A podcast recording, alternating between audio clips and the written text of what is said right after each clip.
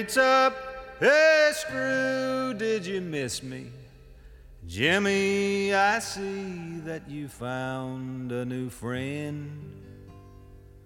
Warden, come down here and kiss me hello, cause I'm back home in Huntsville again.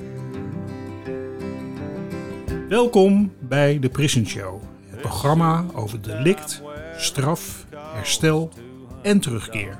Oprecht, onafhankelijk en baanbrekend. Want iedereen heeft recht van spreken en verdient erkenning voor wie hij of zij is. Met Edwin En Frans. Yes, I'm back home in Huntsville again.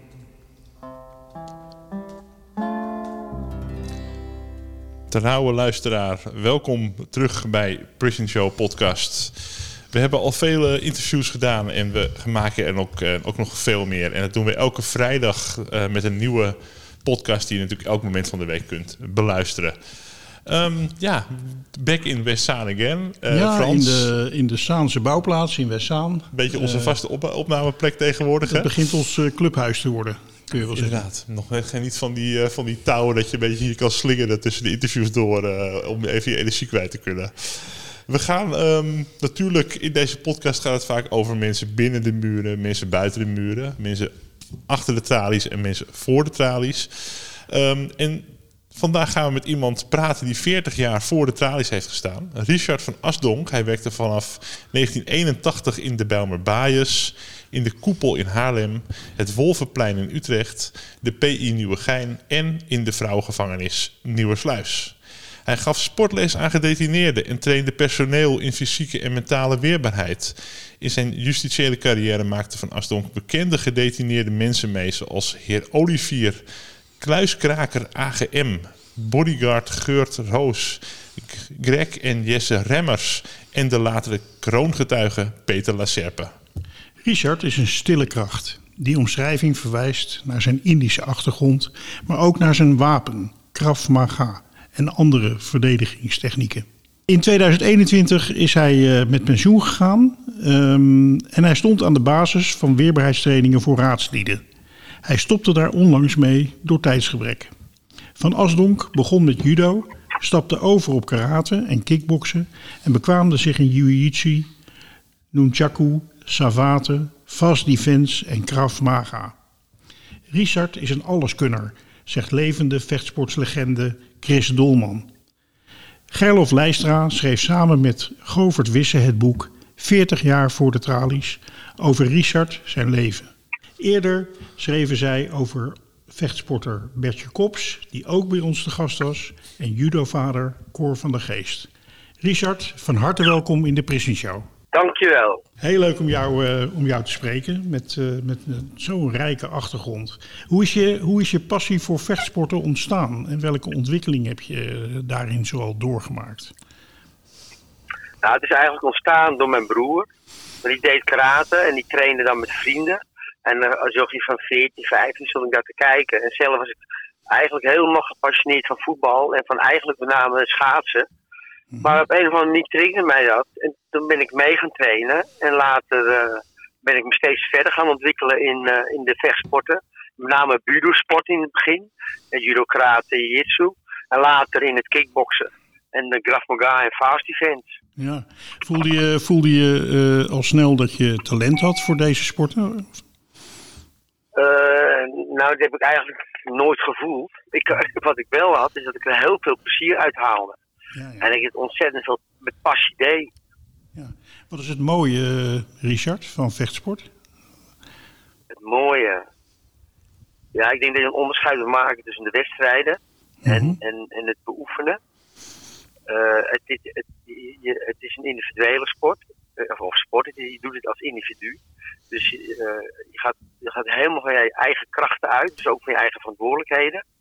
En proberen daarin je grens te zoeken. Ja, als je dat belangrijk vindt. Ja, dus echt, hey, waar ligt mijn grens? Niet zozeer fysiek, maar Mhm. ook mentaal. En de, de vechtsporten die gaven mij daar echt ook de ruimte in om dat te creëren, met name het Krav Maga. Ja, ja, ja. Dus eh, zou je jezelf een individualist willen noemen? Ehm, In welk opzicht, individualist? Nou ja, je geniet ervan dat je, dat het zeg maar, dat je zelf, dat je het helemaal zelf doet, helemaal zelf verantwoordelijk bent. En eh het als daar ook zelf eh, onder controle hebt. Is, eh, dus mijn vraag is dan van, goh, eh, dat individualistische, ligt jou dat goed? Eh, ja, maar ook in een team. Want ik ben natuurlijk ook eh IPT-docent geweest. En dan Mhm. moet je in het belang van het team denken. En door mijn individuele kwaliteiten eh, eh, denk ik dat ik het team eh, een positieve bijdrage had in een team. Want in Ja. een team praat je ook over individuen. Ja. En ieder individu heeft zijn eigen aardigheden. Nou, Ja. En om die individuen bij elkaar te brengen in een team, ja, dat is natuurlijk een uitdaging. Ja, ja, ja, mooi om dat zo eh, te combineren. Dat, eh, dat zeg je goed. Hey, hoe ben je in de gevangenis terechtgekomen eigenlijk? En hoe komt het dat je dat werk zo lang en met zoveel plezier hebt gedaan? Nou, ik ben be- begonnen bij de COME, de Centrale Opleiding Mobiele Eenheden van de Rijkspolitie. Ik op stage. En daar wilden ze me graag houden na de stageperiode. Ik zal het nooit vergeten. Dat is Major Kraken en mijn stagebegeleider opperwachtmeester Bos. En daar heb ik zoveel van geleerd. En die, nou, ik voelde me meteen als een vis in het water. En opperwachtmeester Bos, die had het ook voorgedragen. Nou, wilde hij het graag de COME houden. Van de. Rijkspolitie was dat toen, in Neerijnen. En, maar toen werden de, de Rijkspolitie, gemeentepolitie, dat werd eh, opgegeven, dat werd opgedeeld in rayon, in regio's. Waardoor de gemeentepolitieopleidingen en de Rijkspolitie, die, werden samengevoegd. Mhm. En ehm, ja, dus daardoor konden ze geen nieuw personeel aannemen. Ja, Maar toen wilden ze me wel graag iets houden, en op zijn kwaal. Die was mijn coördinator. ja, die ken ik nog, ja. ja. voor mijn stageplek ook. En die zegt, nou, die willen heel, heel graag hebben eh binnen gevangeniswezen. Nou, heb ik vrijdag heb ik alle spullen ingeleverd in die rij. En maandag ben ik begonnen in de Bijbelbaar, in de Toren de Weg, bij de jeugd. Ja, zo kan het gaan hè, in het leven. Ja, en die politie die reorganiseert maar, hè, daar zijn ze volgens mij nog steeds mee bezig. Dat, eh, Sorry? de politie die, eh, die reorganiseert maar, hè, daar zijn ze volgens mij nog steeds mee bezig. Maar het is wel, eh, Ja. Wel mooi dat je naar het gevangeniswezen gekomen bent. Ja, die, en, het gekke is, ik wist totaal niet. Ik, ik was nooit in de gevangenis geweest. Dus was voor mij was het een, eh, ja, ook de eerste paar maanden zeker een eye-opener. Ja. Wat, wat vond je zo leuk aan het, aan het werken in de gevangenis? Nou, in het begin vond ik het eigenlijk niet zo heel leuk. En waarom niet? Omdat ik, ik was natuurlijk vrij jong zelf nog. Ik kwam in de jeugd in de weg. Eh en Achterse Torenweg was dat. En ehm, ja, het was voor mij met name ook eh, de, de taalgebruik. Ja, ik- Mhm. dat, dat is, eh, ik ging me eigenlijk, moest ik wennen dat mensen dingen zeiden op een manier die ze anders bedoelden. En dat, bedoel ik daarmee is, eh, als ze iets wilden, dan was het van, ik moet op nou, maar een donderslag dat doen we niet. En eh, wie denk je wie je bent? Nou, en daar acteerde ik op. Terwijl het Ja. voor mij was, maar ze bedoelden het niet zo. Ze zijn opgevoed met die vocabulaire. Ja, Dus, maar ik ging er wel op acteren. Dus wat kreeg je dan vaak? Een discussie, CQ, een conflict, CQ, een, een fysiek eh, geweld. ja, ja, en later leerde ik daarmee omgaan. Met die, dat die lading niet altijd is zoals zegene dat er ook bedoelt. Ja. En toen ik dat doorhad, ja, geweldig. Ja, want dan, eh, als je dus niet, niet meer reageert op die buitenkant, dan krijg je wat meer een idee wat voor mensen het echt zijn natuurlijk. Nou, je moet leren hun taal te spreken. A, waar ze vandaan komen. Eh, dat kan ook in, eh, vanuit een cultuur zijn. Het kan ook uit een bepaalde wijk zijn van een bepaalde stad. En, en als je daar dus leert mee om te gaan, Ja, ja, dan, dan, dan begrijpen jij ze. Zij begrijpen ook jou. Ja. Want kennelijk ben jij niet zelf eh, op straat opgegroeid. In, die, in dat nou, ik soort ben wel op straat opgegroeid. Nee, nee, nee. Ik ben in het dorp opgegroeid. Maar ik heb natuurlijk wel... Ik heb in hoge treinen gezeten. Hoge treinen jeugd. Hè, toen ik 18, 19 was. Dus ik... ik, eh, ik, ik maar niet echt die vocabulaire. Ik ben niet met God voor zijn tyfus opgevoed thuis. Nee, nee, nee, nee. Ik snap hem. Ik snap hem. Hey, ehm, buitenstaanders, Richard, die kijken vaak naar gedetineerden op een bepaalde manier. Hè? Want het is een hele gesloten wereld. Eh, Ze zijn vaak eh, als gevaarlijk en onverbeterlijk. En ja, eigenlijk alsof ze anders zijn dan gewone mensen, zeg maar. Nou, jij kent ontzettend veel gedetineerden, ben je tegengekomen. Hoe kijk jij na al die jaren naar die mensen in de gevangenis? Wat zijn dat voor mensen? Ja, ik denk niet dat je ze kan kwalificeren onder een noemer. Kijk, in, in de maatschappij ook. Ik zeg altijd, eh, het gevangeniswezen is een maatschappij in een maatschappij. Ja, eigen waarden, normen, eigen regels, beperkingen. En heb je buiten ook. Hè? Dus zeg maar buiten de muren heb je ook verschillende type mensen met hun eigenaardigheden. heb je binnen ook. Alleen het moment is voor de binnen gebracht omdat ze iets gedaan hebben wat niet volgens de wet eh, kan of mag of toelaatbaar is. Maar als mens denk ik dat ze niet echt veel anders zijn. Maar het is natuurlijk wel zo dat door die maatschappij in een maatschappij moet je wel functioneren met hun beperkingen die ze hebben. Ja, kijk, in mij werd verteld, ook toen ik de eet af moest leggen, van het is, je werkt mee aan het resocialisatieproces ja, van, van een gedetineerde. Alleen, ja, dat is natuurlijk een heel breed begrip. Resocialisatieproces. Ik deed dan, ik gebruik dan het middel sport om daar mijn bijdrage aan te leveren.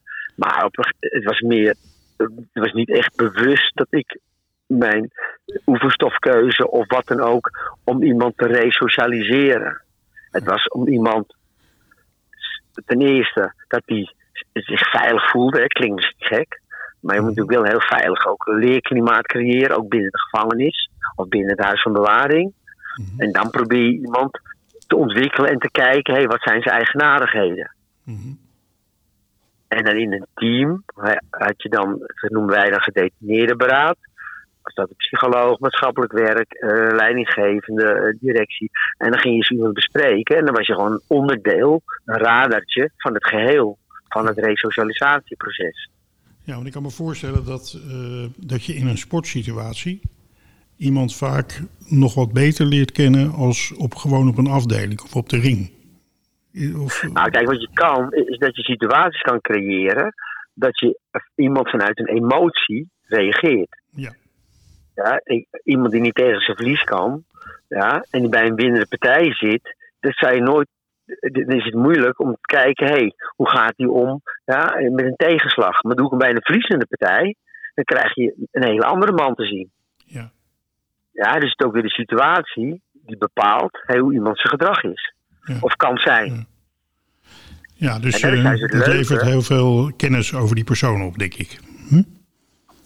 Ja, als, je dat, als, dat, als dat de doelstelling is, en dat is de doelstelling van, van, van de sport binnen het gevangeniswezen. Wij gebruiken de sport als middel om te kijken, hé, hey, hoe, hoe- wat voor krachteigenschappen zitten in, in die man. En dat besprak je dan met het, eh, met het gedetineerde beraad. En dat maar, vond ik juist zo leuk van, mijn- van mijn werk. Hey, en hoe belangrijk is lichamelijke opvoeding in de gevangenis voor de gedetineerden zelf en, eh, en voor het personeel? Hoe belangrijk is dat? Ja, maar ja, dat, dat is sowieso belangrijk. Net zoals voor buiten. Is, als je buiten de muur zit, is het ook belangrijk. Ja, en voor het personeel met name ook. Eh, die moet natuurlijk veel lopen. hun fysieke gesteldheid. het is niet geen zittend beroep. Daarbij is een stukje veiligheid. Ze moeten daar als indien nodig. En er is fysiek geweld dat ze ook daarop kunnen acteren. Ja, dus, dus je moet ook niet alleen fysiek, maar vooral ook mentaal trainen. En hetzelfde geldt voor de gedetineerden. Alleen heb je van, kijk je het vanuit een andere invalshoek. Want het kan zijn dat hij stelt dat iemand drie maanden beperkingen heeft gehad. Ja, die moet je dan anders aanpakken in het begin, in je methodische werk, dan iemand die al een half jaar in een team meedoet. Ja. Is het Ja, ook eh, een ontlading voor eh, gedetineerden? Om zich te kunnen kan zijn, het afreageren? kan zijn dat, ja, het, het, het- je kan het als middel gebruiken om, de, om, om iemand eh, zijn agressie te reguleren. Ja. Dat kan me voorstellen, ja. ja. Ehm, ik zelf daar heb, veel, heb dat veel gezien in ieder geval. Dat, dat, de sport is wel een geweldige manier om, eh, om, je- om je ook af te reageren, om te ontladen. En ook om, het is ook een sociale situatie, hè, sport. Ja, kijk, toen ik begon in 81 en 80 eigenlijk, eind 80. en nu, kijk, toen had je nog geen fitness. Mhm. Toen had je nog geen boksen. Eh, Geen stootzakken, alleen voor personeel. En later ging die ontwikkeling hè, iemand die al beperkingen heeft of individuele sport heeft, die kan je dan ook wat meer. eh, eh, met, met, met- en dat was mijn, eigenlijk ook wel mijn kracht en mijn toch wel als voordeel dat ik een vechtsportachtergrond heb. Mhm. Dus ik kon dat als middel gebruiken voor iemand eh, zijn agressie te kunnen reguleren. Dan Ja. gebruikte ik het kickboksen, het boksen als middel, omdat ik wist wat het inhield. Nou, en, en, en dat kan je. En dat, de, de laatste jaren is het steeds meer gaan ontwikkelen binnen, binnen het gevangeniswezen. Maar ook voor het personeel. Want vroeger werd er altijd nog getraind met judopak aan op een mat. En dat is natuurlijk heel gek. Want op de ring lopen ze ook niet met een judopak. Mhm. Dus dan ga je dingen trainen. eh, eh, eh, leren omgaan met agressie en pakking en omvattingen met een judopak. Dat is gek. Is op blote voeten. En gelukkig is nou die omslag dat nu ook het personeel gewoon traint. Althans, binnen het opleidingsinstituut. Wij trainen nu die PW's en de BWA's gewoon in kleding en met schoenen aan. Ja, En dat was natuurlijk vijf, zes jaar ondenkbaar. ja, ja, dus meer gericht op de realiteit, zeg maar. Ja, de ontwikkeling. En dat is wel mooi dat ik die ontwikkeling ook mee heb gemaakt. En ook daar mijn bij, bijdrage heb kunnen leveren. Nou zeggen sommige mensen die luisteren misschien van... eh, hoe kan je dat nou doen? Eh, mensen die al agressief zijn ook nog eens leren vechten en vechtsporten laten doen.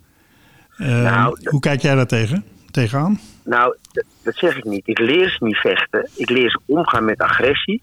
En ik gebruik vechtsport als middel. Mhm. Ja, dus ik leer ze niks. Ik leer ze ervaren. Ja, ik gebruik. Ik kan ook eh, een rugbypop nemen en dat ze tegenaan laten rennen. Dat kan ook. Ja, Als, ik dat, als ja. ik dat middel heb. Dat heb ik niet. Dus ik gebruik een middel, een stootzak, om ze hun agressie kwijt te kunnen raken. Door bijvoorbeeld de stootzak bepaalde oefeningen te laten doen. Ja. Ja, maar ik leer ze niet hoe ze moeten vechten.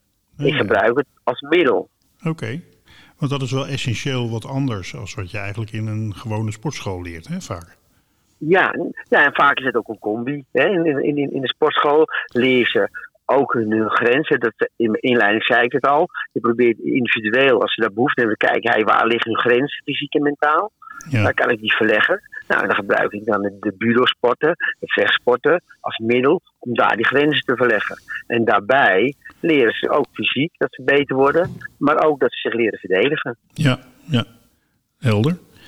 Hey, en welke eigenschappen moet iemand bezitten om in de gevangenis te kunnen werken? Moet je bijvoorbeeld groot en sterk zijn, vind jij? Ja, als je het praat over welke competenties moet iemand hebben, hè, dan, krijg je vaak dat ze een assessment doen.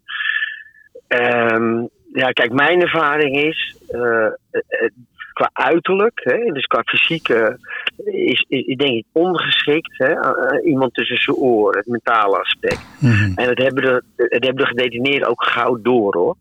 Op het moment dat je hoe groot je ook bent.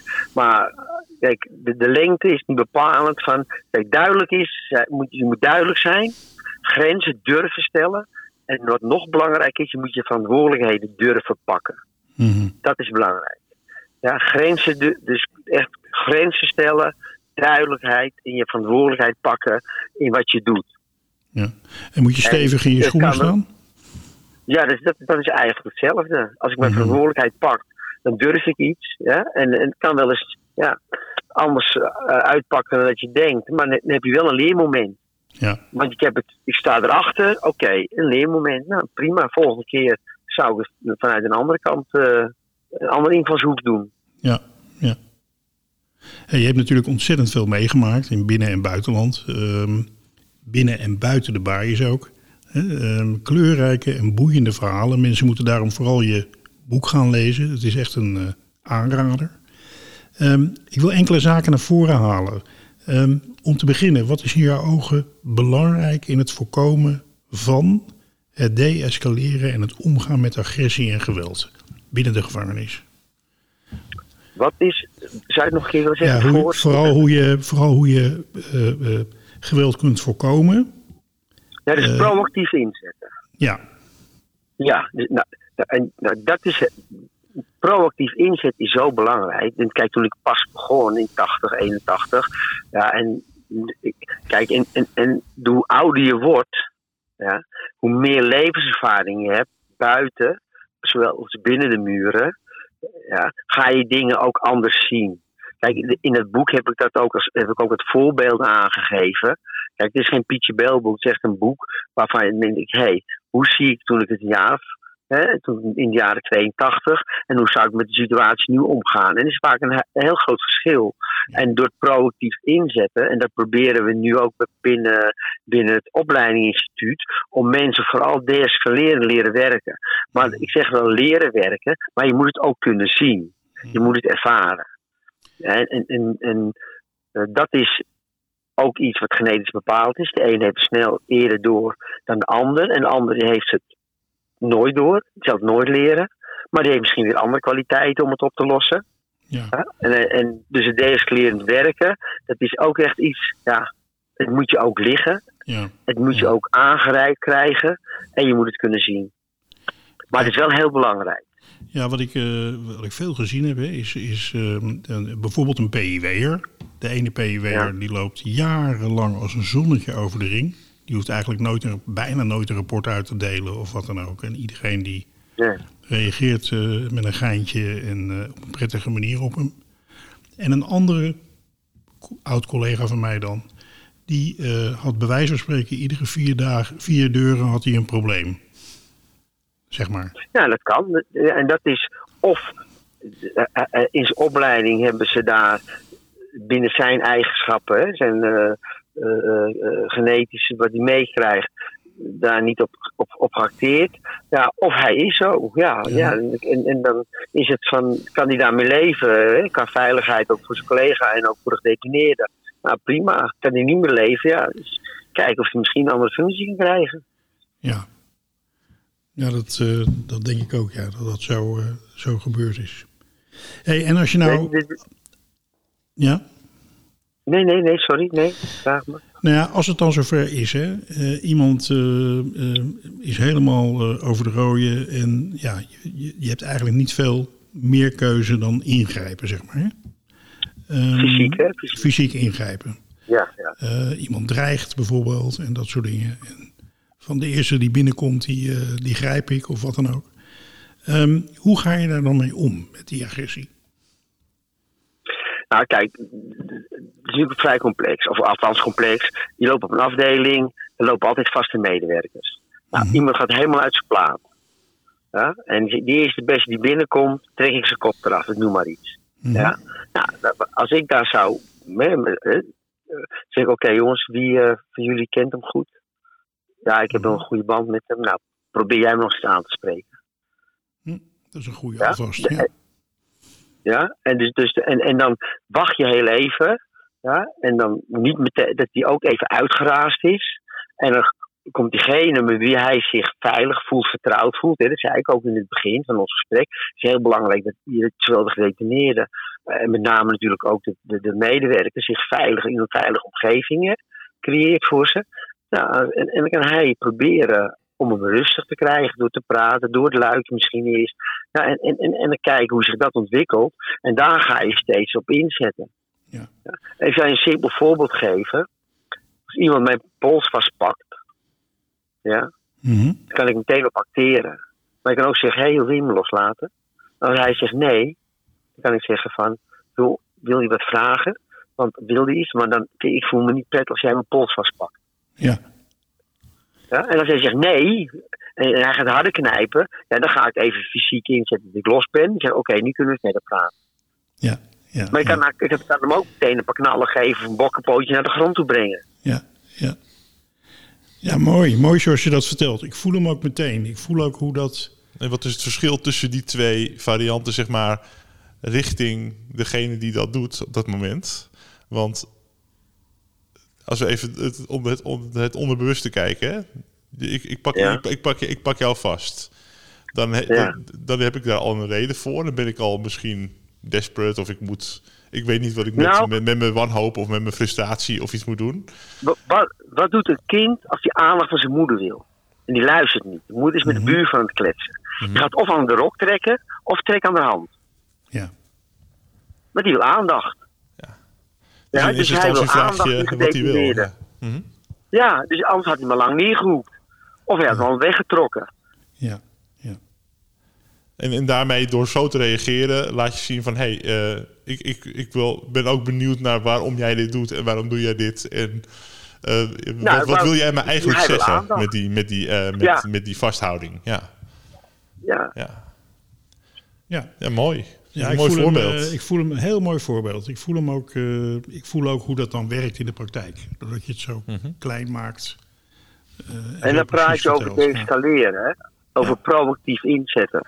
Nou, dit is een voorbeeld van proactief inzetten. Ja, ja, ja heel mooi. Um, ja, even een ander onderwerp, want uh, ja, dat, daar ben ik gewoon heel nieuwsgierig naar. Um, je hebt een van de grootste helden van deze tijd uh, ontmoet, hè? Mohammed Ali. Kun je ons er ja, wat over ja, vertellen? Ja, dat, dat, dat, kijk, je, je, hebt, je hebt, in je leven heb je gewoon wel eens geluk. Ja, nou, ik heb gewoon geluk gehad dat hij daar toevallig in 84 ook zat.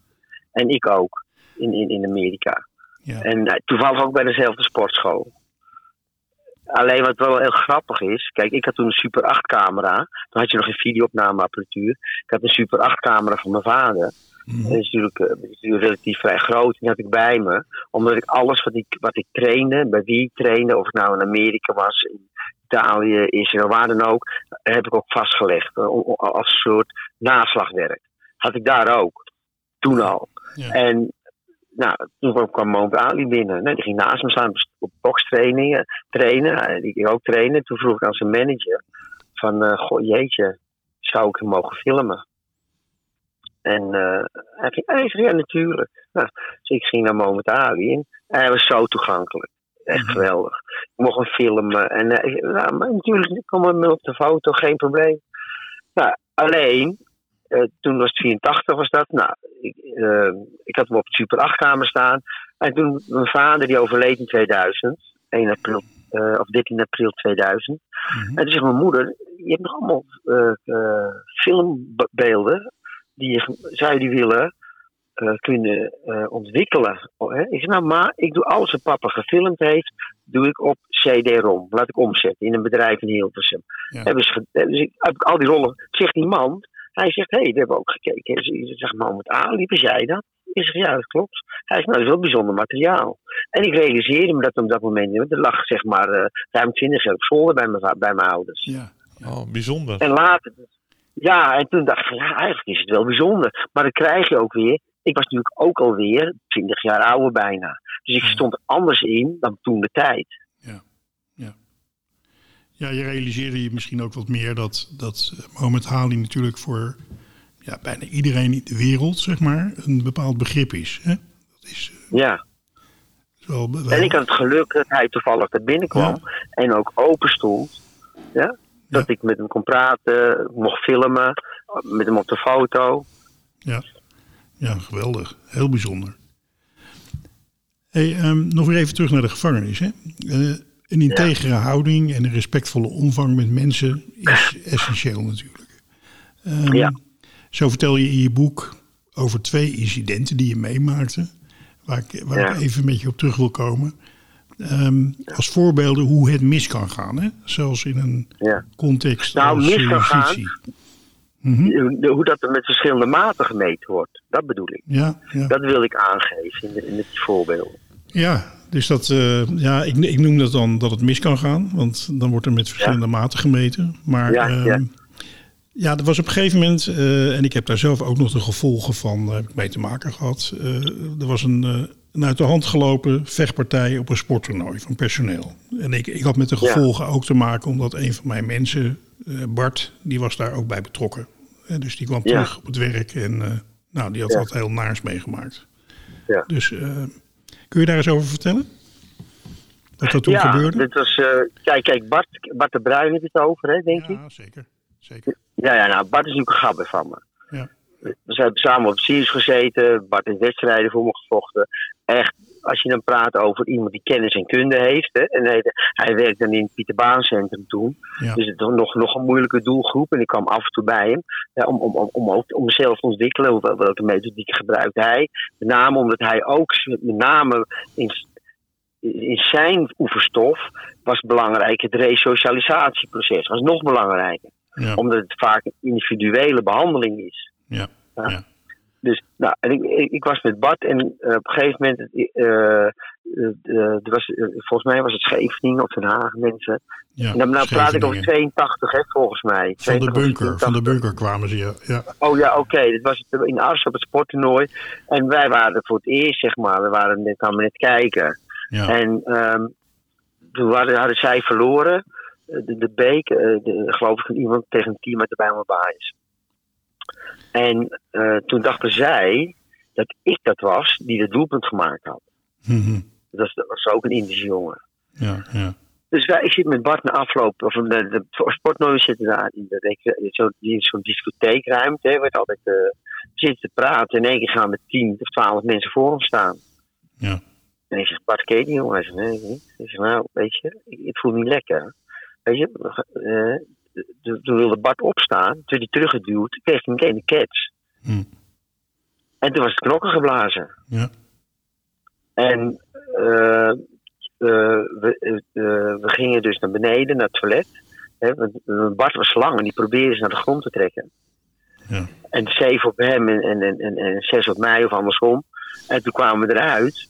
En toen was de toenmalige van, van het NSG, was, was meneer Derksen. Ja. En die, die werkte ook als hoofd, eh, in Wolfplein als eh hoofdwerkzaal. Een topkerel. Echt zo. En die greep toen in. Die zei zeggen, Richard, luister. eh, dit wordt heftig. Eh, verstandig is als je nu naar huis gaat. Ja. En dan praat je over de tweede dag, donderdagavond laat, Arsen, ik woon in Breukelen.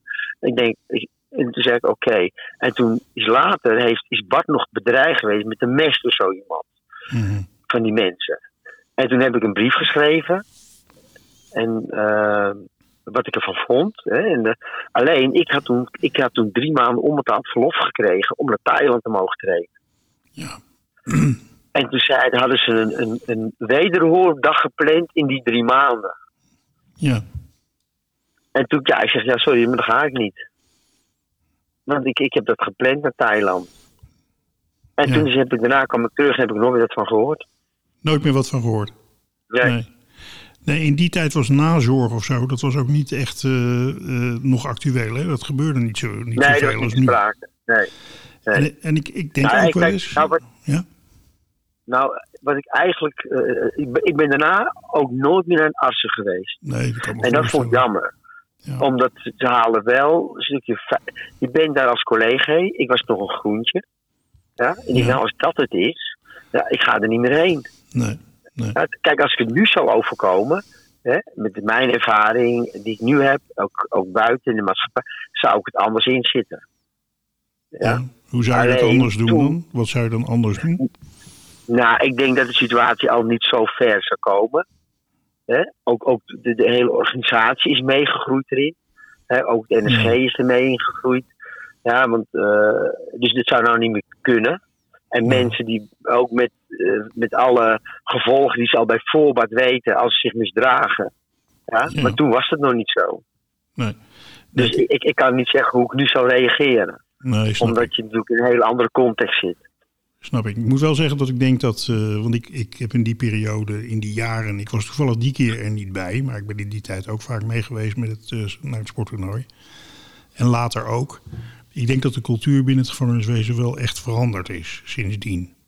Hè, dat Ja, het NSG. Nee, het NSG gebeuren. Hè? Nee, ook, maar ook binnen de de gevangenis hoor. Ja, Ik denk dat Ja. dat, eh, dat soort gedrag en dat hele harde macho, macho, gedrag zeggen, ego. Dat is toch veel minder geworden, heb ik het idee, in de loop der jaren. Nou, nou, ik denk dat, dat het macho nog wel een beetje in zit. Ook wel het ego. Alleen men gaat er anders mee om. Ja, Er Zit een, men geeft een andere invulling in. aan. ja. ja, en wat, nou heb ik nog niet helemaal begrepen wat, wat je bedoelde met de twee maten in dit incident. Hoe werd er met twee maten gemeten? Nou, nee, niet in dit incident, maar met integriteit. Ja? Ik, ik, ik heb collega's die zijn voor minder eh, ontslagen. Of, of, Ja. of eh, eh, ontslagen. En ik ken ook situaties dat iemand wordt overgeplaatst. Ja, Weet je? Ja. En dan kan het misschien aan mijn maatstaf liggen. En dat ik het anders zie hè, binnen, binnen de context van, van, de, van de bepaalde situatie. Maar in die 40 jaar heb ik toch op. En ik heb ook dingen meegemaakt die anders opgelost werden. Ja, en dat heb ik Mhm. ook in het boek gezet. Ja, En, en, en daarom heb ik die voorbeelden genoemd. ja. Ja, je- Ja. Je, kan, je kan mensen zo beschadigen, terwijl het misschien ook op een andere manier had gekund.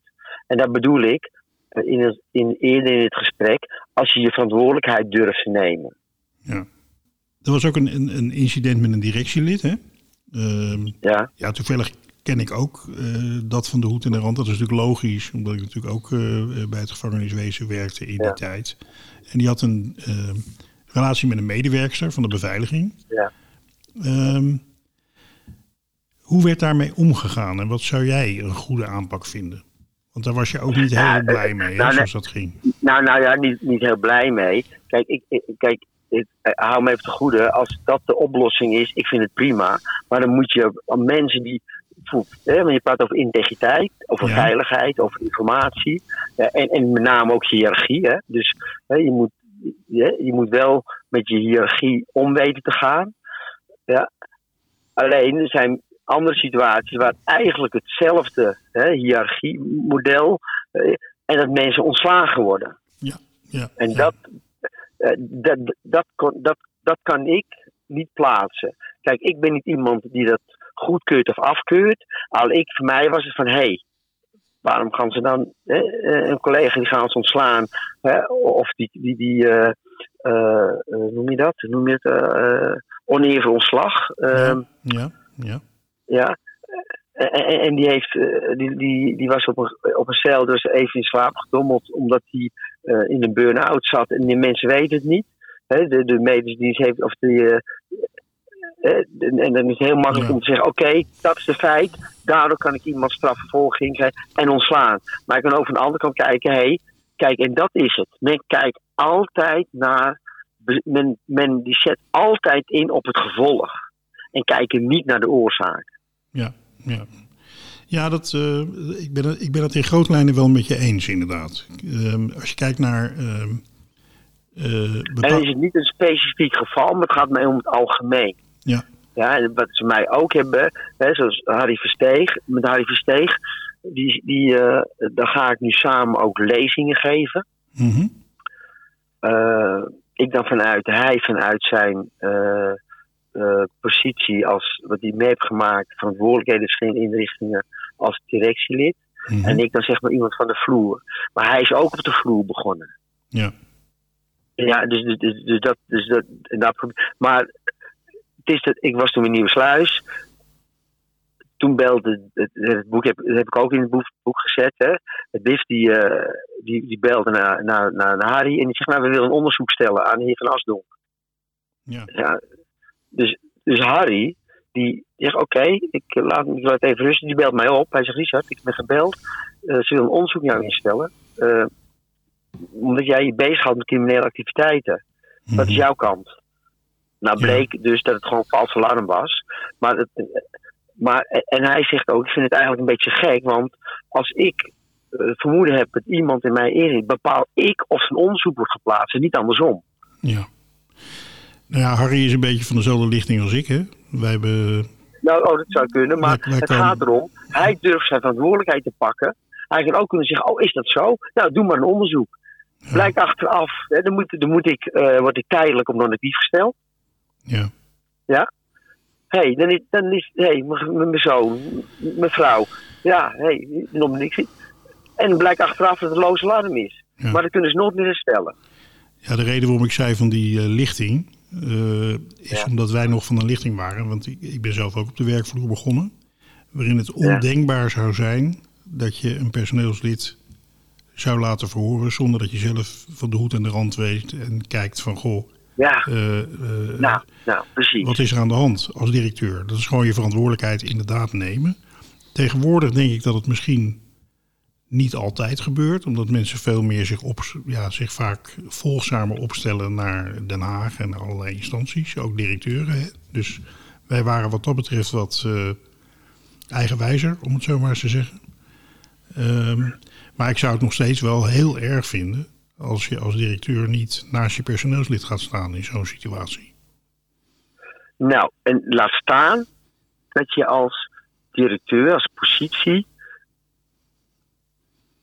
jezelf kwetsbaar opstelt, integer een relatie begint met Ja. iemand.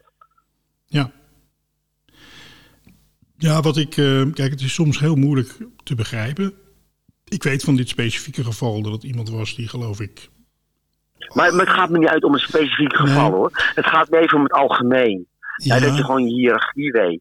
Maar er zit, dat, dat, is natuurlijk, dat kan natuurlijk niet. Hè? Je kan niet met een relatie beginnen. En als je verliefd wordt op iemand, eh, bijvoorbeeld op een gedetineerde, of je wordt verliefd op iemand die bij je werkt, bijvoorbeeld. Ja. Dan, eh, en, je, je komt daar met- en je komt daar meteen mee naar voren. Dan is er in principe weinig aan de hand. Hè? Want dan eh, kun je met elkaar bespreken hoe je daarmee om zult gaan. Ja, maar dan ook je verantwoordelijkheid durft te pakken. Van hé, hey, even in mijn privé, in mijn gezinssituatie. hey, hoe, hoe valt het daar? Diegene met wie ik een relatie zou hebben, te aan zou gaan eh, binnen het werkveld, kan dat. Ja? Ja. Maar je moet wel je verantwoordelijkheid durven pakken om, om voor de veiligheid van de organisatie in wie, aan, waar jij je verantwoordelijkheid aan hebt. Ja. Ja, wat ik. En nogmaals, het gaat mij niet om het specifieke geval hoor. Het gaat er mij om die hiërarchie die er is. Als ik nu voor de I les geef en ik krijg een PIW's, een vrouwelijke PIW'er eh, uit, uit, uit Veenhuizen en je wordt smol verliefd op hè, ja, Mhm. dan moet ik die beroepshouding hebben, dat kunnen scheiden. ja. Kan ik dat niet, dan moet ik daar geen les van geven. Nee, dat, eh, dat klopt. Ja, en verder vanuit, vanuit eh, de rechtspositie van mensen is het vaak eh, wat makkelijker om de een te ontslaan dan de ander. Hè? Dat kan, ja, ik, ik, ik heb er echt geen ervaring mee, maar ik, ik vind dat iedere situatie op zich staat. Ja, nou, dat is, ik weet zelf vanuit mijn directeursrol dat het vaak heel, dat het ook wel eens moeilijk was. Dat mensen die eh, gedrag hadden wat eigenlijk heel verwerpelijk is, dat je niet op basis van hun dienstjaren en van allerlei andere omstandigheden niet kon ontslaan. Terwijl iemand die gewoon eigenlijk een beetje dommig was geweest, zeg maar, hè, Ja. eh, daar had je wel voldoende dossier om hem te ontslaan. En dat was niet altijd e- eerlijk, denk ik. Nee, nee. Nee, nee, maar goed, dat brengt de, de functie met zich mee. Dat je ook wel eens dingen moet doen die, bin, die tegen je moraal bezet is, maar wel de veiligheid altijd voorop staat. Ja, En, en, en, ja, en dat is, en, dat- en dat is ook, hè, ik denk dat, dat je daar een heel goed punt hebt. Je moet geen vriendjes willen zijn. Je moet collega's willen zijn. Ja, ik ben, ik, ik ben de ILO'er, ik ben docent institutionele weerbaarheid, ik geef de gedetineerden. Als mens sta ik op een lijn zoveel mogelijk, maar binnen mijn functie sta ik er altijd boven. nou ja, dat klopt. Dat denk ik zeker. Eh, want dat professionele is dat je in ieder geval een heel andere verantwoordelijkheid en een heel andere rol hebt. En ehm, eh, dat je ook het overzicht eh, en het inzicht moet hebben om met die rol om te gaan. En het kan nooit zo zijn dat je hetzelfde bent. Natuurlijk niet. Nee. Nee, maar en dat is het. Je, komt pas, je kan er pas achter komen op het moment dat je in zo'n situatie zit. En daarvoor zei ik net, als je al die assessments en al die soort, daar kan je heel veel al voor zijn. Ja, dat je dingen. Maar het zal toch altijd weer blijken in de praktijk. Ja, hoe mensen. Of ze dat. Eh, toen, ik, en, en, en toen ik voor het eerst in die Bijbelbasis kwam, ik was nog nooit in de gevangenis geweest. Nou, je Ja. hebt ook in de Bijbel gewerkt, toch? Ja, zeker. als je het zegt met het voorgebouw, je komt naar binnen, je ziet die hele lange gang. Ja. Je staat er voor het eerst, blauwe muren geloof ik, kan ik me nog herinneren. En dan moest ik de achtste, dan moest ik de achterste toren rechts hebben. Ja, ja, de weg. Ja. Ja, dus dan moest ik helemaal naar achter. En ik was er nooit, nou, kijk, en, en dan is het net, hé. Hey, en Tom Verbakel, die was toen naar de leiding. ja. En die kende ik vanuit het kickboksen, die trainde bij Johan Vos. Ja. En die zei, eh Richard, schaap van je eigen kwaliteit uit. Als jij je, je moreel, die, dat is belangrijk. Ga je gevoel achterna. Binnen de gestelde regels. Ja. Nou, En die heeft me eigenlijk heeft die mij erover doorheen getrokken. En na die drie maanden ja, dan voelde ik, kon ik me steeds meer vinden in het systeem. Ik kon mijn eigen ego en mijn eigen ik kon ik daar heel goed een plaats in geven. En het werd steeds verder ontwikkeld. Waardoor ik altijd met plezier naar mijn werk ben gegaan. Ja. Nou ja, eh, herkenbaar. Ik, heb, eh, ik heb zelf ook eh, ruim 40 jaar binnen het systeem gewerkt. En eh, heb ook een boek geschreven trouwens. Dat hebben we ook met elkaar gemeen. Maar ehm, zoals jij het definieert, dat ik ja, met heel veel plezier terugkijk, dat, eh, dat heb ik met je gemeen. Terwijl En daarom ben ik nog zo blij ja, dat, dat ik nu nog steeds als ZZP'er word ingehuurd. ja, Door de opleiding. Ik kom, nou, ik kom net, nu ook net uit, terug uit eh, deze detentiecentrum Zeist. Ja. Ik heb ook weer les gegeven. En, en gewoon mijn 40 jaar ervaring nog steeds. De, de, de- en, en, natuurlijk nogmaals, ik zei het net ook al. Ik heb nog steeds geluk dat ik het mag doen. Dat ik Ja. het kan doen. En dat, dat het OI nog vertrouwen in me hebt. In mijn kennis en kunde. En mijn 40 jaar ervaring. Dat ik een positieve bijdrage. Het klinkt wel heel filosofisch. Maar dat ik een zeer bijdrage kan leveren. Om die PW goed voor te bereiden. Of die BWA of bij DVNO. Op wat hun te wachten staat. ja. Nou, ik denk dat er niemand is binnen en buiten het gevangeniswezen die eraan twijfelt eh, dat jij gewoon ontzettend veel kennis en ervaring hebt. En ik denk dat, eh, ja, dat, dat het systeem ook geluk heeft dat ze jou nog eh, kunnen vragen voor dit soort dingen. Want je kunt mensen denk ik ontzettend veel leren en ze ook inspireren, denk ik, om het, om het goede te doen in het werk. Want je bent natuurlijk toch een voorbeeld geworden in de loop der jaren.